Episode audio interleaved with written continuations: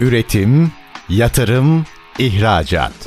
Üreten Türkiye'nin radyosu Endüstri Radyo sizin bulunduğunuz her yerde. Endüstri Radyo'yu arabada, bilgisayarda ve cep telefonunuzdan her yerde dinleyebilirsiniz.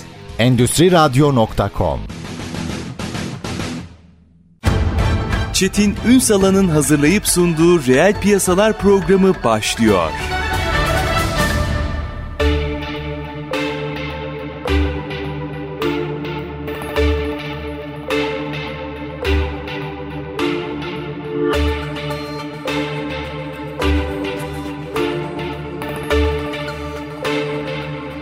Reel piyasalardan merhabalar. Türkiye'nin gerçek gündeminde birlikteyiz efendim. Bugün kaynak makineleri sektörünü, genel anlamda makine sektörünü mercek altına alacağız. Türkiye'nin çok ümit beslediği sektörlerden biri. Çünkü birazdan açacağım, konuğuma da döneceğim. Pandemiyi geçirdiğimizde o dönemde hep ele aldığımız bir mesele var. Hani bir sürü etkisi var. Herkes bir şey konuşuyor ama neyi başlattı derseniz dünya üretimi hatırladı üretimin ne kadar kıymetli bir şey olduğunu hatırladı. Hatta ürettirmenin ötesinde kendi iç üretiminin ne kadar kıymetli olduğunu anladı ve tabii bu aslında makine sektörü önünde de büyük bir potansiyeli beraberinde getirdi. Bütün bunları konuşacağız. Bu süreci nasıl değerlendirmek gerekiyordu, nasıl değerlendirildi hepsini mercek altına alacağız. Özelinde kaynak makineleri sektöründe konuşacağız. Elbette bir tarafta dijital dönüşüm, bir tarafta üretimin hatırlanması bize nasıl bir fotoğraf ortaya çıkardı. Kıymetli bir konuğumuz var bugün. Vega Makine Genel Müdürü Selim Zengin. Bugün reel piyasaların konu. Sayın Zengin günaydınlar. Günaydın akşamlar. Teşekkür ederiz Çetin Bey nazik davetiniz için. Estağfurullah var Tüm... olunuz. Üstadım şimdi aslında açacağım çok konu var. Yani evet. kaynak makineleri sektörüne özel bir mercek tutmak istiyorum evet. piyasaya. Makineye ama şu girizgahtan bir başlayalım. Tabii. Pandemi. Gerçekten birçok etkisi olabilir. Olumlu olumsuz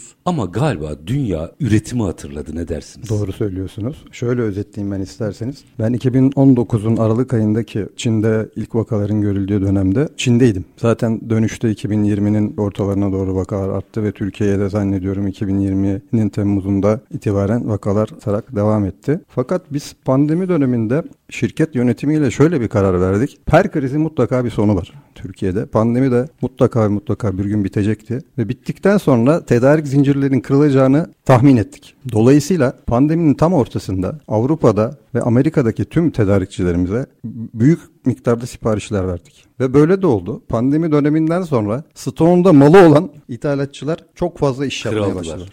evet. Dolayısıyla bizim 2022'deki satışlarımız bir önceki yıla göre %150 artış gösterdi. Çünkü pandemi sonrasında stoksuz yakalananlar sipariş verdiklerinde teslim süreleri 6 ayla 7 ay arasında değişen sürelerdi. Orada filmi doğru okumak çok hayati Çok çok işte. önemli. Stratejik bir karardı. Belki biz risk aldık ama her riskin sonunda başarı da geliyor biliyorsunuz. Doğru. Dolayısıyla 2022'de %150'lik bir büyüme sağladık. Bunun etkisi 23'te de devam etti. Bu yılda yine aynı şekilde aynı trendle %100 büyüme gerçekleştiren bir firmanın temsilcisi olarak karşınızdayım. Bunu birazcık açalım mı? Tabii. Bunun çok kıymetli olduğunu düşünüyorum. Tam o riski aldığınız döneme dönmek istiyorum. Evet. O süreçteki kararı nasıl özelinize çok girmek istemem ama birçok kişiye bundan sonraki süreçler için ilham olması adına soruyorum evet. bunu. Zor bir karar. E çok zor bir karar tabii. Oradaki tartışmaları Düş- biraz açabilir misiniz bize? Tabii ki düşünsenize evinizdesiniz. Her gün kötü bir haberle karşı karşıyasınız. Acayip bir kriz var bütün dünya çapında. Çin'de insanlar evlerine kaynaklanıyor, hapsediyorlar biliyorsun. Amerika'da durum aynı, Avrupa'da ona keza. Fakat yani biz bekleyemezdik. Biz dinamik bir işletmeyiz, iş üretmeye çalışan bir işletmeyiz. Evlerimizde oturup pandemi sürecinin sonucunu bekleyemezdik. Mutlaka bir aksiyon almamız lazımdı. Ve geçmişten de tecrübelerimiz vardı biliyorsunuz. Türkiye maalesef krizler ülkesi. Her 7-8 yılda bir kriz yaşanıyor 2001'den başlayarak. Ama her krizin de bir sonu olacağını ve krizlerden fayda elde etmeyi de öğrenen öğrenen, öğrenmiş olan iş insanlarıyız. Dolayısıyla o dönemde yönetimle aldığımız bir kararda bütün elimizdeki öz sermayemizle beraber stoklarımızı güçlendirmek adına siparişlerimizi geçtik. Tedarik zincirlerinin kırılacağını tahmin ediyorduk ki kırıldı zaten. Devam eden konteyner kriziyle beraber bir Avrupalı Çin'e 2021'in ortasında sipariş geçtiğinde bir sene sonra malını alabildi. Bu bir sene içerisinde malı stoğunda malı olan bizim gibi karar vermiş olan firmalar çok büyük avantaj sağladı. Bizim zaten ivme yakalamamız Vega makine olarak büyümemiz aslında pandeminin etkisiyle çok daha şiddetlendi. Demek ki krizler doğru okunursa aslında Fırsat artı tabii. değerde Tabii. yaratabilecek potansiyel. Orada şimdi nakte, nakitte kalmanın neredeyse herkese tavsiye edildiği bir dönemde. Bu aslında sadece pandemi olarak düşünmeyin. Bakın burada felsefi olarak bir bakış açısını konuşuyoruz. Herkese nakte kalınmasının tavsiye edildiği bir dönemde Evet. işe yatırım yapmış olmak Çok bence önemli. çok kıymetli. Doğru söylüyorsun. Orada ama tabii bu şey körlemesine değildir. Bir hesap kitap E yapması. şöyle yani e, en kötü senaryoyu da tabii dikkate alarak nedir en kötü senaryo? Siz işe yatırımınızı yaptınız, paralarınızı gönderdiniz, stoklarınızı güçlendirmek adına oldu ki pandemi uzadı ve piyasa bir şekilde açılmadı. B planınız da olması lazım. Yani borcunuzu döndürebilir ve devletinize ve çalışanlara karşı sorumluluğunuzu yerine getirebilir. Sermaye yapısınız da olması lazım. Hesap yapmış Biz zaten lazım. buna haiz olan bir firma olarak biraz da elimiz rahat açıkçası. Sonrasında nasıl gelişti? Şimdi o süreçte herkes bir dakika e, bir olağanüstü bir durum olduğunda üretim yapmak problem haline geliyor veya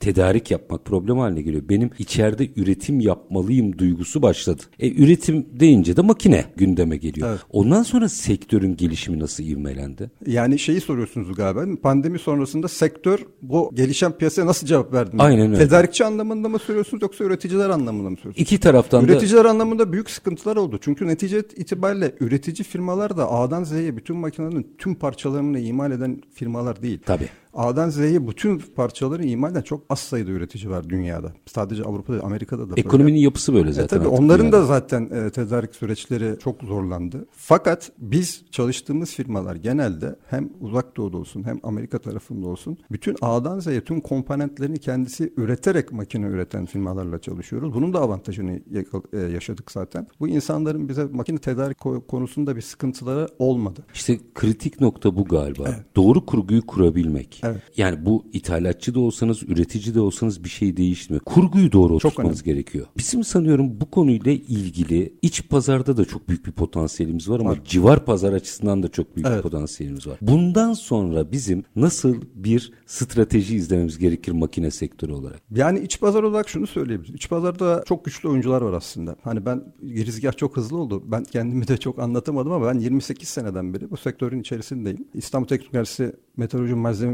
Mühendisliğini bitirdikten sonra 95 senesinde Türkiye'mizin güzide firmalarından birinde satış mühendisi olarak işe başladım. Ki bu firma hala faaliyetlerini devam ettiren önemli bir firma. Sektörün önemli aktörlerinden bir tanesi. Onun özelinden giderek anlatmak anlatacağım size. Türkiye'de makine sektöründe bir şeyler yapılıyor açık- açıkçası. Kaynak sektöründe. Fakat en büyük yarayan kana teknolojik ürünlerin üretilmesi konusunda ARGE çalışması yapılmıyor. İşte kritik nokta burası Evet. zaten. Yani sanayici ile üniversitelerin bir araya gelmesi çok çok önemli. Fakat bunu maalesef bir takım sebeplerden dolayı gerçekleştiremiyoruz. Ve bu firmalar ki e, dünyadaki üreticilere baktığınız zaman ilk e, fabrika 1915 senesinde kurulmuş kaynak makinesi. Türkiye'de kurulan ilk fabrika ise 1953 senesi. 40 yıl fark var.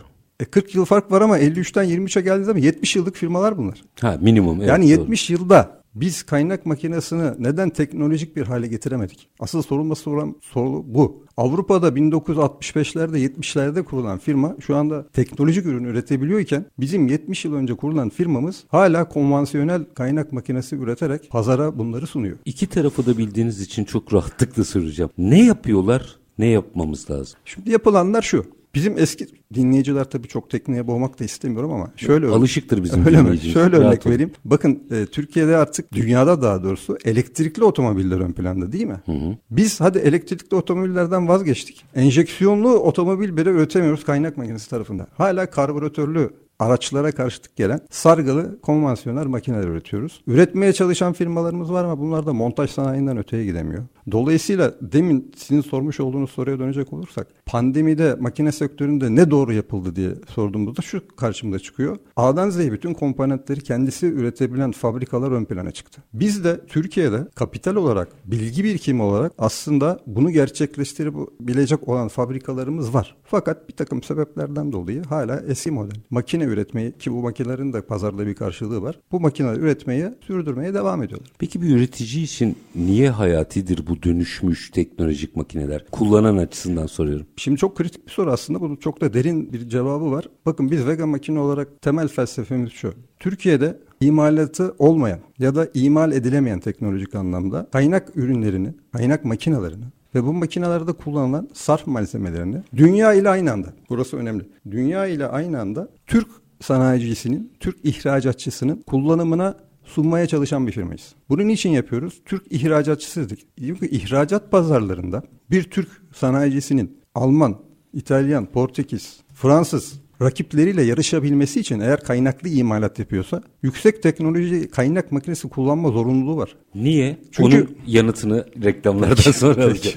Niye? Onun yanıtını reklamlardan sonra alalım. Peki. Efendim e, Vega Makine Genel Müdürü Selim Zengin. Bakın pandemiden girdik. Önemli bir şey söylüyor Sayın Zengin. Komponentlerini kendi üreten ya da tedarik ağını doğru oluşturan firmaların dünyada hitap ettikleri ülkelerin üreticilerine avantaj sağladığından bahsediyor. Niyesini ve nasılını birazdan soracağım. Minik bir ara lütfen bizden ayrılmayın.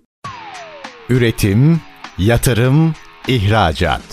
Üreten Türkiye'nin radyosu Endüstri Radyo sizin bulunduğunuz her yerde. Endüstri Radyo'yu arabada, bilgisayarda ve cep telefonunuzdan her yerde dinleyebilirsiniz. Endüstri Radyo.com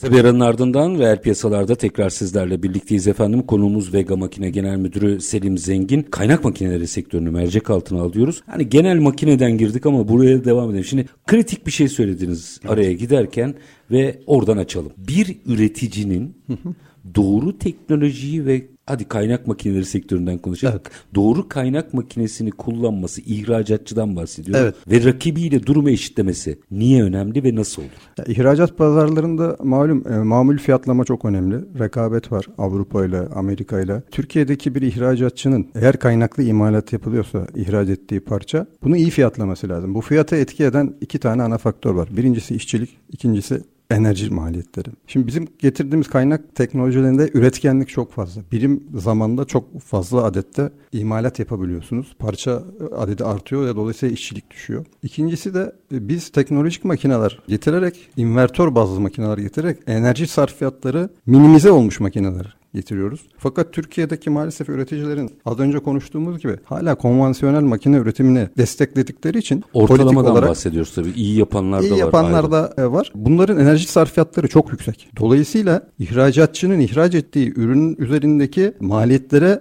negatif anlamda bir etkisi var. Şimdi yurt dışında İsviçre'de, Almanya'daki ihracatçı bu teknolojik ürünleri kullanıp düşük maliyetlerle ürününü ihraç marketlerine sunabiliyorsa Türk ihracatçısına karşı bir iki adım öne geçiyor. Dolayısıyla burada kaynaklı imalat yapan ihracatçının mutlaka bu teknolojiden faydalanması, maliyetlerini minimize etmesi, rekabet şansının artması adına olmazsa olmaz bir nokta. Orada trendleri biraz açabilir misiniz bize? Çünkü yani sözlerinizden bir kere sürdürülebilirliğin esas olduğunu ve evet. enerji verimliliğinin esas olduğunu evet. anlıyorum. Dünyada kaynak makineleri sektöründe ne konuşuluyor yeni teknoloji anlamında?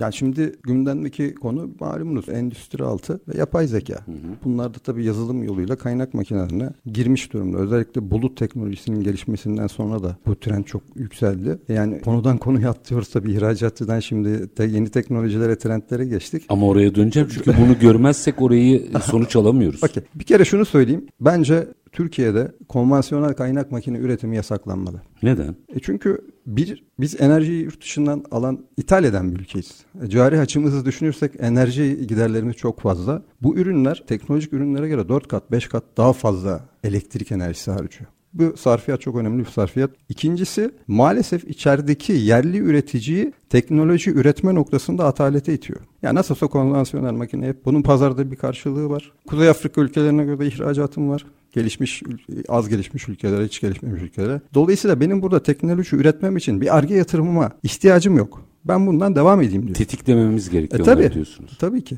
Bu yasaklansa mecburen bu üreticiler 60 yıllık 70 yıllık üreticiler ve bilgi birikimleri know-how'ları var. Bu know-how'larını bilgi birikimlerini teknolojik makine geliştirmeye harcadıkları anda ben 3-5 sene içerisinde belli seviyeye geleceklerini düşünüyorum.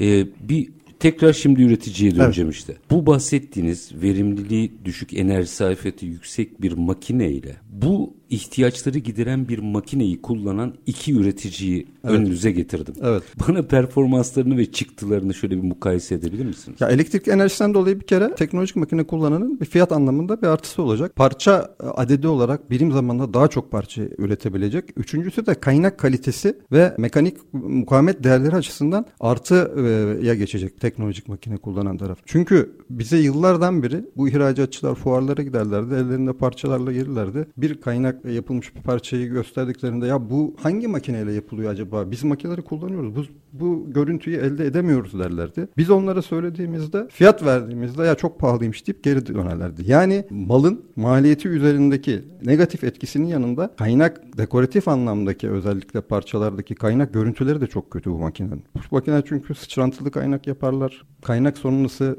işçilik, malzeme temizliği açısından çok fazla zaman alacağı için çok yüksektir. Bütün bunları ortaya koyduğumuzda teknolojik makine kullanan bir ihracatçı en az %25-30 malzeme maliyeti anlamında daha ucuza mal etmiş makine olur parçasını. Bu çok- 25-30. Evet %25-30 ki bu ihracat pazarları için çok önemli bir rakam. 25-30 dediğiniz yüzde birlerin ikilerin Evet. ürün satışını etkilediği bir ortamda çok fark eder. Bir de bu teknolojik makineler robotla da haberleşebilen makineler aynı zamanda. Bir yazılımla beraber robotla beraber entegre haberleşebiliyor. Dolayısıyla 3 tane 5 tane işçinin çalıştığı ortamda sadece bir tane operatörün çalışması o parçayı birim zamanda aynı miktarda üretim yapmasını sağlayabiliyor. İşçilik e, masrafları çok düşük makineler bunlar. Yatırım maliyeti görücü olarak yüksek fakat yatırımın geri dönüş zamanı çok kısa. Üstad orada o zaman bir şimdi siz çok haklı olarak üreticinin mutlaka belli bir teknolojik yatırımı yapması gerektiğini ifade ettiniz. O zaman ben birazcık daha açayım mı? Tabii. E, ithalatçıda da çok durum farklı değil. Yani şimdi ben 80'li yılların çocuğuyum. Piyasayı bilirim oradan. 70'liyim çünkü. Babam da üretici olduğu için. Şimdi eskiden ithalatçı dediğinizde çok farklı bir şey vardı. Bir ağırlığı var değil mi ithalatçı? Şimdi Şimdi herkes çok nitelikli ithalatçılar çok nitelikli üreticiler gibi olmakla birlikte orada da biraz şiraze kaydı. Evet. Bizim bu işi bir disiplin altına Evet. almamız gerekmiyor mu? Tabii ki gerekiyor. Benim de onunla ilgili bir görüşüm var. Ee, müsaadenizle paylaşmak Estağfurullah, isterim. buyurun. Bence Türk Ticaret Kanunu yeniden elden geçirilmesi lazım. Neden? Şundan dolayı bakın Türkiye'de doktorluk, avukatlık ve eczacılık haricinde bir işi yapmak için ehliyet gerekmiyor. Kaynak diyoruz. Çok kritik diyoruz. Bugün köprülerde, barajlarda, bindiğimiz otomobillerde, uçaklarda her yerde kaynak var. Öyle değil mi? Yani bu kadar hayatımızın içinde olan kritik malzemeleri kaynattığımız bir teknolojiyle alakalı ilkokul mezunu biri bir işletme açıp, dükkan açıp ithalat bile yapabiliyor. Bunun önünde hiçbir engel yok. Yaklaşık 15 yıl önce bir Türk Ticaret Kanunu değişimiyle alakalı bir girişimlerde bulunuldu. Çok sert değişiklikler yapılıyordu. İşte sermaye yapısı, kredibilitesi, Olması ehliyeti, aslında ehliyeti işte ne kadar metrekarede e, yer açabileceği vesaire vesaire gibi ama şu anda hiç konusu yok. Bunların mutlaka mutlaka yeniden gündeme gelmesi gerekiyor. Özellikle kaynak teknolojisiyle ilgili çok teknik bir mevzu olan insanların mutlaka bir mühendislik formasyonu alması gerekiyor. Nelere yol açıyor bu? E şunlara yol açıyor. Düşünebiliyor musunuz? Mesela şu anda gündemde olan bir te- Akkuyu nükleer santrali yapılıyor biliyorsunuz Mersin'de. E şimdi benden ayrılmış bir çocuk buraya malzeme satıyor. Satabiliyor. Oraya sa- Satabiliyor. şimdi oraya sattı anlamına çıkmasın. Sattı anlamına çık- Rastgele bir satabilme ihtimali şey, var. Bu kadar- Örnekleme yapıyoruz. Evet veya işte Çanakkale Köprüsü yapıldı. Buraya satabilme imkanı, yanlış ürün önerebilme imkanı var. Çok teknik mevzular bunlar çünkü. Yani Yani en kritik projede bile aslında o konuda yeter doğru anladıysam yanlışsa düzeltin. Yeterli vasfı olmayan birinin gidip ithalat yapıp satabilme imkanını veriyor. evet bunun önünde hiçbir engel yok. Ondan dolayı Ticaret Kanunu'nun bence yeniden elden geçirmesi, değiştirmesi lazım. Dünyada nasıl oluyor bu iş? E, Dünyada çok değişik kriterleri var tabii. Çok çok sert önlemleri var. Yani belli bir sermaye yap- yapınız, entelektüel birikiminizin, lisansınızın olması gerekiyor. Belli bir formasyondan geçmeniz gerekiyor. Ya ben kaynakçı olacağım. Gidip kendime bir işletme açayım. Bakalım. Ya şu anda bilmiyorum rakam vermek doğru olabilir olur mu ama ya çok cüzi sermayesi olan kişileri ben fuarlarda görüyorum uzak doğuda Çin'de. Niye geldin sen buraya diyorum. Abi makine getireceğim ben diyor. Ya sen düne kadar bizim yanımızda çalışıyordun. Bir kere makine getirdin. Bunun yedek parça bir kere şeye göre ticaret kanununa göre makine getirdiğinizde biliyorsunuz minimum iki sene yedek parça Tabii, satış sonrası hizmeti vermeniz 10 lazım. yılda yedek parça bulundurma zorunluluğunuz var. E bakıyorsunuz makinacılara özellikle makine tarafında bu özelliklere haiz 3 tane 4 tane ithalatçı var 5 yok. Ama baktığınızda fiiliyatçı yüzlerce ithalatçı var. Bu satın alma aşamasında satın almayı yapanlar açısından da çok büyük bir risk. Çok büyük bir risk ama Çetin Bey yani Türkiye'de maalesef insanlar ilk önce bir ürün satın aldıklarında veya bir hizmet satın aldıklarında ilk ödedikleri paraya bakıyorlar. Daha sonrasında projeksiyon gösteren çok fazla insan ve işletme maalesef yok. Üstad o kadar hayati bir şeyden bahsediyorsunuz ki bakın Hı. üretici boyutunda da dediniz ki oralar mutlaka teknolojiye yatırım yapmalı. Evet. Bu know-how'ları var. İthalatçı tarafında da diyorsunuz ki önünde bir engel olmadığı için Çin'e gittiğimde fuarda e, daha önce belki piyasada yanınızda çalışan veya başka bir firmanın yanında çalıştığı için tanıdığınız birini görüyorsunuz. Evet. Şimdi tamam herkes ithalat yapma ehliyeti olabilir. Getirdi sonra ne oluyor mesela o makine? E sonra şöyle oluyor. Elindeki makineyi satıyor. Ben aldım. Bir dakika ben, ben sanayiciyim ben aldım. aldım. Ondan sonra e, makine arıza yaptığı zaman çünkü sizin parça bulundurma zorunluluğunuz var biliyorsunuz. O makinenin garanti süresince bilabedel parçayı değiştirme zorunluluğunuz var. Ama telefonlarını açmayan çok sayıda bu tip ithalatçıyla karşı karşıya kalıyoruz. Bize şikayetleri geliyor. Zaten bir kere iki kere e, alışveriş yapıldıktan sonra durum ortaya çıktığında alışveriş kesiliyor ama yani o döneme kadar birileri bir şeyler satıyor. Ama buna yatırım yapan sanayicinin her bir lirası çok kıymetli. Evet. Evet maalesef. Çünkü demin bir ifade kullandınız. Dediniz ki İspanya'daki bir rakibiyle rekabet edebilmesi için bu performansı elde etmesi evet. lazım. Belki hatayı şurada yapıyor olabilir. Fiyat bazlı hareket ediyor olabilir. O zaman doğru kriter fiyatı bir kenara koyun. Neye bakmaları gerekiyor? Kimden satın aldığınıza bakması lazım. Bakın, bu bir. Bizim şirketimiz ben 28 seneden beri sektörün içerisindeyim. 22 yıldan beri de kendi şirketimle, ekibimle beraber tek kaynak piyasasına e, hizmet vermeye çalışıyorum. Dolayısıyla bir kere bakacaksınız kimden mal alıyorsunuz? Bu firmanın background'ı nedir? Hangi ürünleri satıyor? Ne kadar yani devamlılık çok önemli. Bakın ben 2006 yılından beri Amerikalılarla çalışmak çok zordur. Amerika'da bir dünya devi firmanın 17 yıldan beri mümessilliğini yapıyoruz. Şimdi siz böyle bir firma varken buradan mı alışveriş yapmayı tercih edersiniz? Yoksa 3 ay önce kurulmuş bir şirketten mi? Bu çok önemli. İkincisi oluyor galiba. Sözlerinizden anladım. Yani şöyle kurumsal bir duruş olması lazım firmanın. Ya bu kurumsal duruş işte yanınızda çalışan e, teknik personelden başlar. Firmanın web sitesine baktığınız zaman oraya çıkar veya telefon açtığınızda telefona cevap veren kişinin size yaklaşımı, hitabı çok önemlidir. Ya bu tür firmaları buluyorsanız karşınızda sadece bizden değil bizim gibi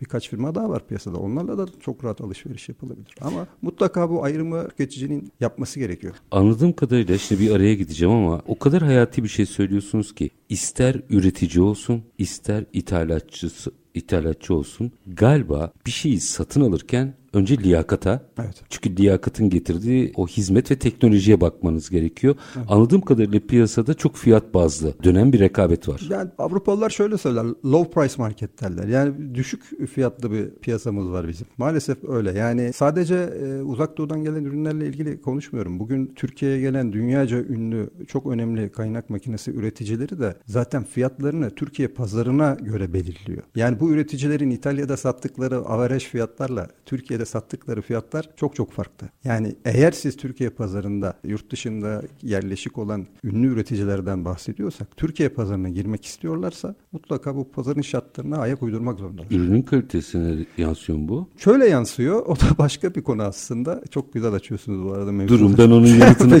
reklamdan sonra tamam. alayım. Şimdi tamam bize özel pazara özel bir fiyat veriyorlardır da aynı ürünün gelmesi evet, lazım. Çok güzel. Öyle mi değil mi onu bir tamam. aranın ardından konuşacağız. Vega Makine Genel Müdürü Selim zengin konuğumuz. Kısa bir ara lütfen bizden ayrılmayın. Üretim, yatırım, ihracat. Üreten Türkiye'nin radyosu Endüstri Radyo sizin bulunduğunuz her yerde. Endüstri Radyo'yu arabada, bilgisayarda ve cep telefonunuzdan her yerde dinleyebilirsiniz. Endüstri Radyo.com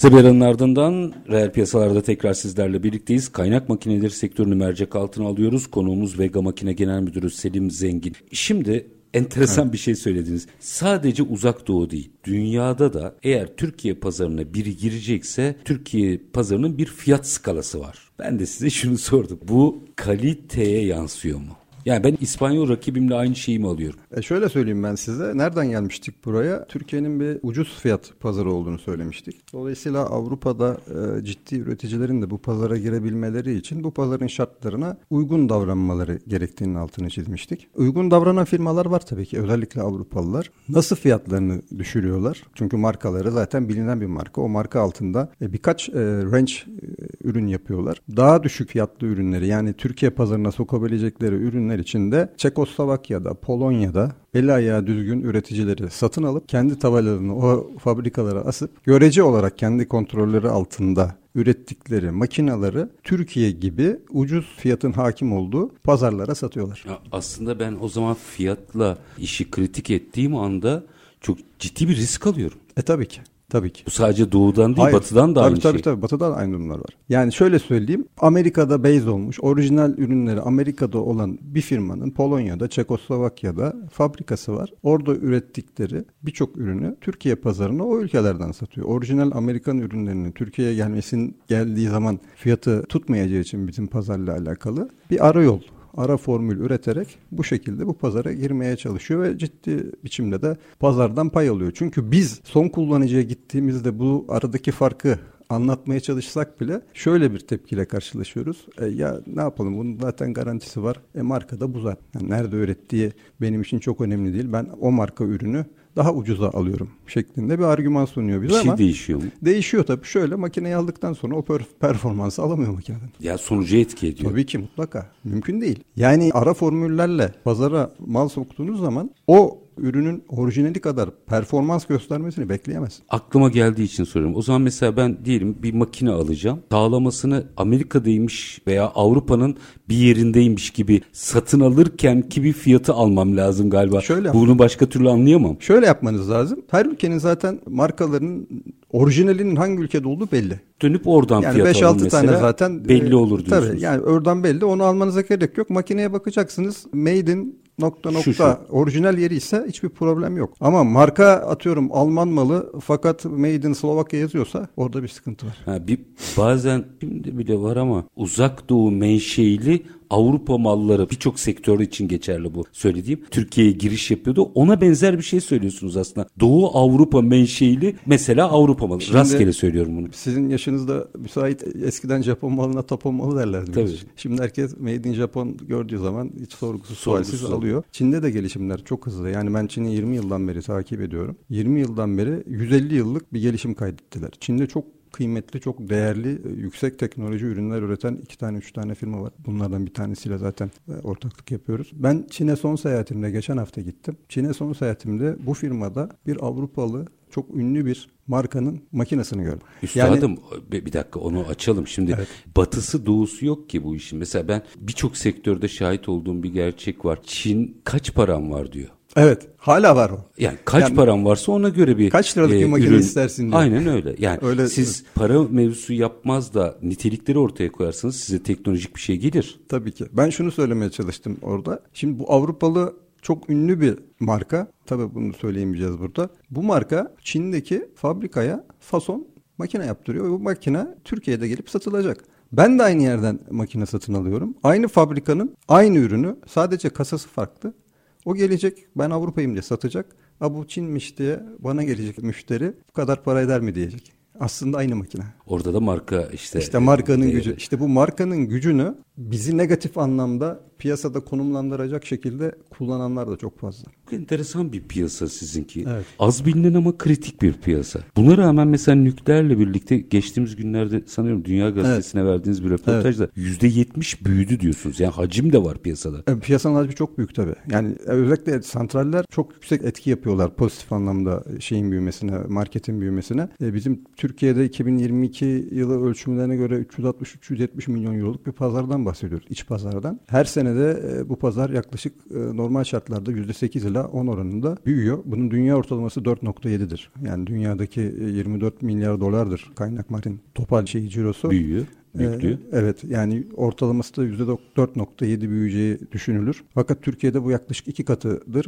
Bu nükleer santraller gibi yatırımlar çok büyük ivme e, sağlar büyümesinde pazarın. Tabii bu aynı zamanda da iştahı arttırıyor. E tabi tabii ki. O zaman biraz şöyle geneline koyalım. Bu ister üretici olsun, ister, ister ithalatçı olsun. Günün sonunda bir kaynak makinesinin performansını ölçen şey nedir? Tabii biz bugün sadece kaynak makinelerini konuştuk. Aslında kaynak makineleri tarafı kaynak piyasasının %20'sini e, kapsayan bir taraf. Şöyle ki bu kaynak makinelerinde kullanılan saf malzemeler var biliyorsunuz. Elektrotlar, teller vesaireler var. Ben şimdi demin bir rakam verdim. 360-370 milyon euro dedim. Bunun sadece 50-60 milyon eurosu kaynak makinesine aittir. 300 milyonluk kısım sarf malzemelerine kalan Tamamlayıcı ürünlere yani. E, tabii ki. Yani çünkü makine bir yatırım ürünü. Makineyi alırsınız ama makinede sürekli sarf malzemesi kullanırsınız. Makinenin ekonomik ömrü 3-4 senedir. Markasına göre değişir. Bizim sattığımız Amerikan malı ürünlerde 10 senedir ekonomik ömür veriyoruz bizim müşterilerimize. Dolayısıyla makineyi bir kere alırsınız ama orada kullandığım sarf malzemesi adı üstünde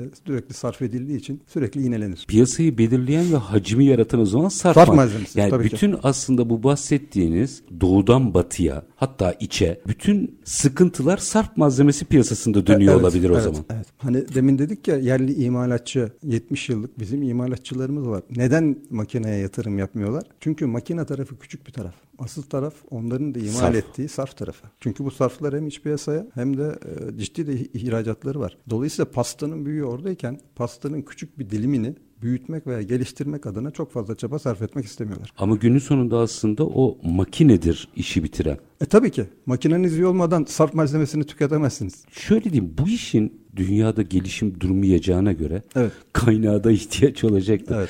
Bu işin sonrası adına baktığınızda pazar nereye doğru büyür? Valla e, dünyadaki araştırmalara göre e, pazarı büyütecek iki tane sektör var. E, bir tanesi otomotiv sektörü, bir tanesi de havacılık sektörü. Yani 2024'ten 2030'a bir projeksiyon çizildiğinde dünyada kaynak e, hacminin 24 milyar dolardan 35 milyar dolara çıkacağını, yani 8 sene içinde %50 pazarın 45 büyüyeceğini öngörüyorlar ve bu büyümenin de otomotiv sektöründen ve e, havacılık sanayinden olacağı öngörüsü var. İkisi de dönüşüyor bu arada. E, tabii ki. E, peki ki nelerde onlara bağlı dijitalleşme ya da e, farklılaşma olmaya başladı? Onu da şey yapmışlar. E, Şu andaki ark kaynak yöntemlerinin hala pazarı force edeceğini fakat arkadan lazer kaynağının da pazardan daha büyük pay alacağını onu konuşmadık. Bu lazer teknolojisi. Açın biraz lütfen Yeni bir teknoloji. Silaha kadar, lazer silahlarına kadar bambaşka bir yere gidiyor iş. Şimdi lazer ışınını optik, e, op- optiklerden, odak optiklerden e, geçirerek malzeme üzerine daha güçlü bir lazer ışını verilmesini sağlayarak ergitme yöntemiyle yapılan bir birleştirme yöntemi lazer kaynağı. Piyasa aslında 15-20 seneden beri dünyada kullanılan bir yöntem ama bizim Türkiye'ye gelişi 3-4 sene. Son 2 senede de çok hızlandı. Tabii burada da çok fazla sayıda ithalatçı var.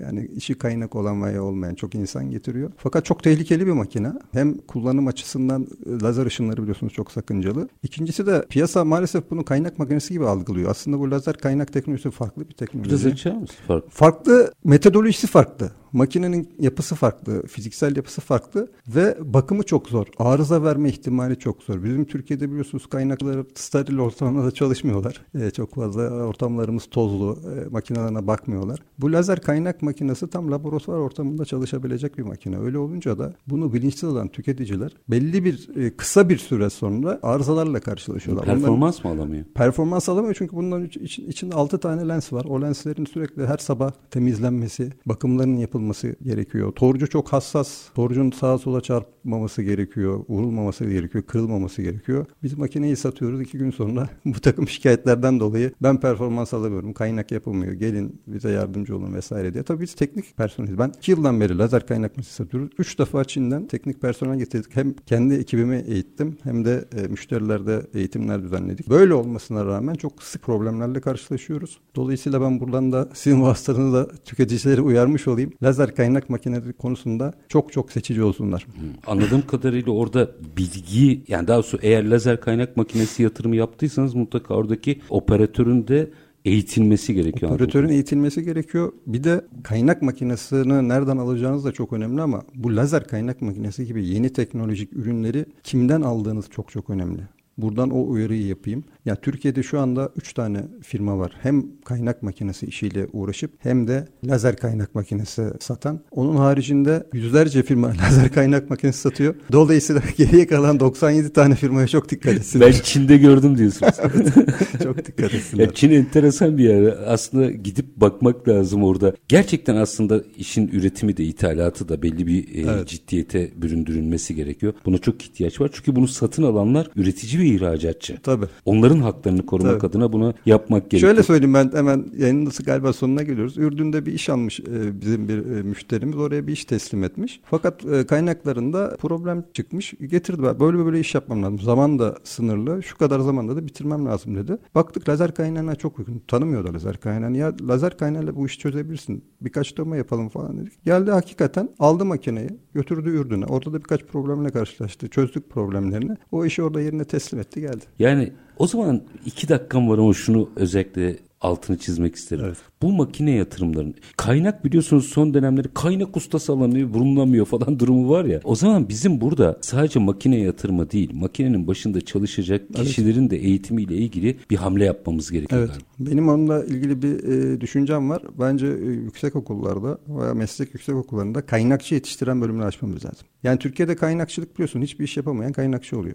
E, aslında, ki öyle değil aslında yani. öyle değil çok teknik ve stratejik bir şey. Tabii çok stratejik bir şey. Dolayısıyla bizim zaten e, dünya raporunda da hani dedim ya otomotiv artı havacılık sanayiyle büyüyecek. Bir de vasıflı kaynakçı bulmak çok zorlaşacak diye de bir tespitleri var. Dünyada da bu böyle. Bugünden başladı zaten. evet, o da garip bir durum gerçekten. Şimdi tabii milyon dolar belki bir makineye yatırım yapıyorsunuz. Her makine evet. için rastgele bunların fiyatları Aha. nedir bilmiyorum ama milyon dolar yapıyorsunuz.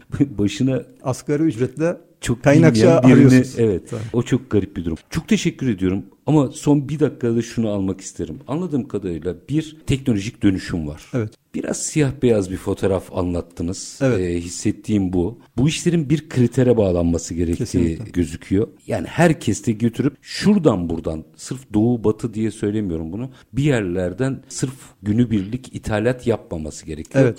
Bu çıkarttığım birinci sonuç. İkincisi evet. burada da 70-80 yıllık aslında bu tecrübeye sahip üreticilerimiz var. Onların da artık bu teknolojilere yatırım yapması gereği mesajını aldım. Son bir cümle alayım öyle veda edeyim. Son cümleyi de şöyle bağlayayım isterseniz. Biliyorsunuz bu ürünlerde özellikle uzak doğudan gelen ürünlerde ağır vergiler var. Ki ben vergiye karşı olan bir insan değilim. Eğer bir mal Türkiye'de üretiliyorsa mutlaka buna vergi getirilmeli. Bizim ürünlerimizde çok ağır vergiler var. Olması gereken de bu. Fakat devletimizin şunu yapması gerekiyor. Bu vergiler geldikten sonra dönüp imalatçıya vergi öncesi durumuyla vergi geldikten sonraki durumunu net analiz etmesi lazım. Yani ben bu dumping vergisini getirdim. Sen bu arada imalatını yükselttin mi?